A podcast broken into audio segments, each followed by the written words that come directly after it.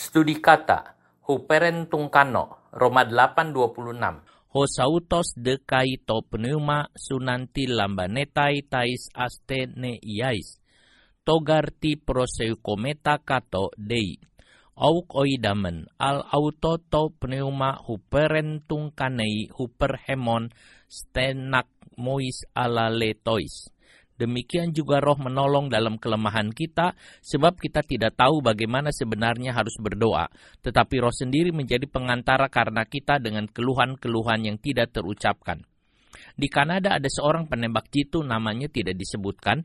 Pada bulan Mei 2017, orang ini menggunakan senapan Mick Mylan Tex 50 untuk membunuh militan ISIS dari jarak sejauh 2,14 mil, kira-kira 8 kali lapangan sepak bola. Tentu ini tidak mudah, ia harus memutar teropongnya sambil mempertimbangkan variabel-variabel lainnya seperti kecepatan angin, medan yang dilintasi peluru, tetapi ia bisa memperhitungkannya sehingga tembakannya tepat mengenai sasaran. Padahal pabrik pembuat senjata itu mengatakan bahwa efektifnya senjata ini hanya setengah dari jarak tembakan orang itu. Orang ini telah melampaui target yang ditetapkan. Dalam Roma 826 kita menemukan keahlian menembak dari jenis yang berbeda. Rasul Paulus memberitahukan kepada jemaat di Roma bahwa kamu harus bisa berdoa dengan tepat sasaran untuk mengatasi kelemahanmu. Seringkali kita tidak tahu harus berkata apa kepada Tuhan. Pada saat anggota keluarga kita sakit parah begitu lama, atau ekonomi kita sedang terganggu, atau yang lainnya. Lalu, apa yang harus didoakan supaya tepat? Memang saat-saat seperti ini kita butuh doa yang tepat sasaran. Tuhan telah memberi kita penembak yang jitu, yaitu Roh Kudus, untuk mengarahkan doa kita agar tepat sasarannya.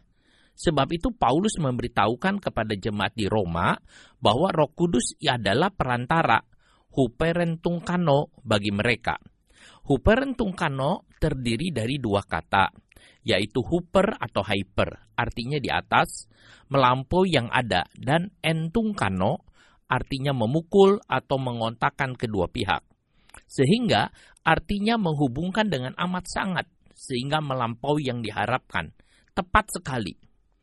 Herodotus sejarawan Yunani yang hidup pada tahun 484 sebelum Masehi menggambarkan Entungkano seperti seekor buaya yang menghantam lawannya.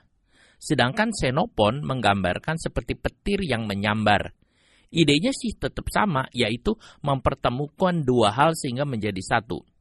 Lama-kelamaan, Entungkano digunakan untuk menjelaskan seseorang yang membawa permohonan kepada raja dan kemudian diterjemahkan syafaat yaitu memintakan permohonan kepada Tuhan untuk orang lain. Intinya adalah menjadi seorang perantara. Alkitab mengatakan kita tidak berdoa sendiri, sebab Roh Kudus adalah perantara bagi kita. Dia berdoa melampaui kemampuan kita. Maksudnya Roh Kudus. Ketika Roh Kudus melakukannya, ia mengarahkan permintaan dengan sempurna dan memastikan bahwa doa kita selalu sampai di hadapan tata Tuhan. Roh Kudus berdoa dengan sangat akurat bagi kita. Paulus menambahkan kata huper pada kata entungkano itu, sehingga muncul kata huperentungkano. Itu berarti mencapai sasaran dengan tepat melampaui yang diperkirakan. Roh Kudus benar-benar membuat kita bisa mencapai apa yang kita tidak mungkin bisa capai. Dia membawa kita untuk mencapai target yang luar biasa. Roh Kudus selalu tahu bagaimana tepatnya berdoa melalui kita agar permintaan itu didengar oleh Tuhan dan dijawab. Itu sebabnya ketika kita berdoa, kita harus mengizinkan Roh Kudus melakukannya untuk kita daripada mencoba melakukannya sendiri.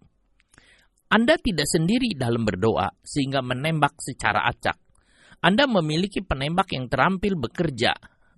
Saat Anda berdoa, minta mintalah Roh Kudus untuk menyesuaikan permintaan Anda. Tunggu Dia dan biarkan Dia mengambil alih permohonan Anda. Jika Roh Kudus membantu kita untuk berdoa kepada Bapa, maka Tuhan Yesus menjadi perantara antara kita dengan Bapa. Yesus mendoakan kita di hadapan Bapa.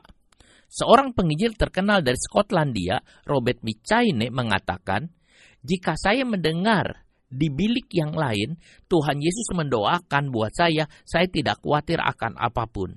Benar, benar, Yesus mendoakan buat kita, buat saudara. buat semua orang yang percaya kepadanya. Dan kita mendengar doanya dengan iman. Itu sebabnya kita tidak menjadi takut oleh apa pun. Roh Kudus mengarahkan kita supaya doa kita tepat sasarannya. Bahkan ia menjadi perantara kita, sehingga doa kita pasti dijawab oleh Tuhan. Kalau kita berdoa hanya entung kano, itu pun kalau pas. Tetapi roh kudus huper entung kano. Jadi hup, roh kudus berdoa dengan huporentung kano. Jadi lebih tepat lagi. Sebab itu berdoalah di dalam roh kudus.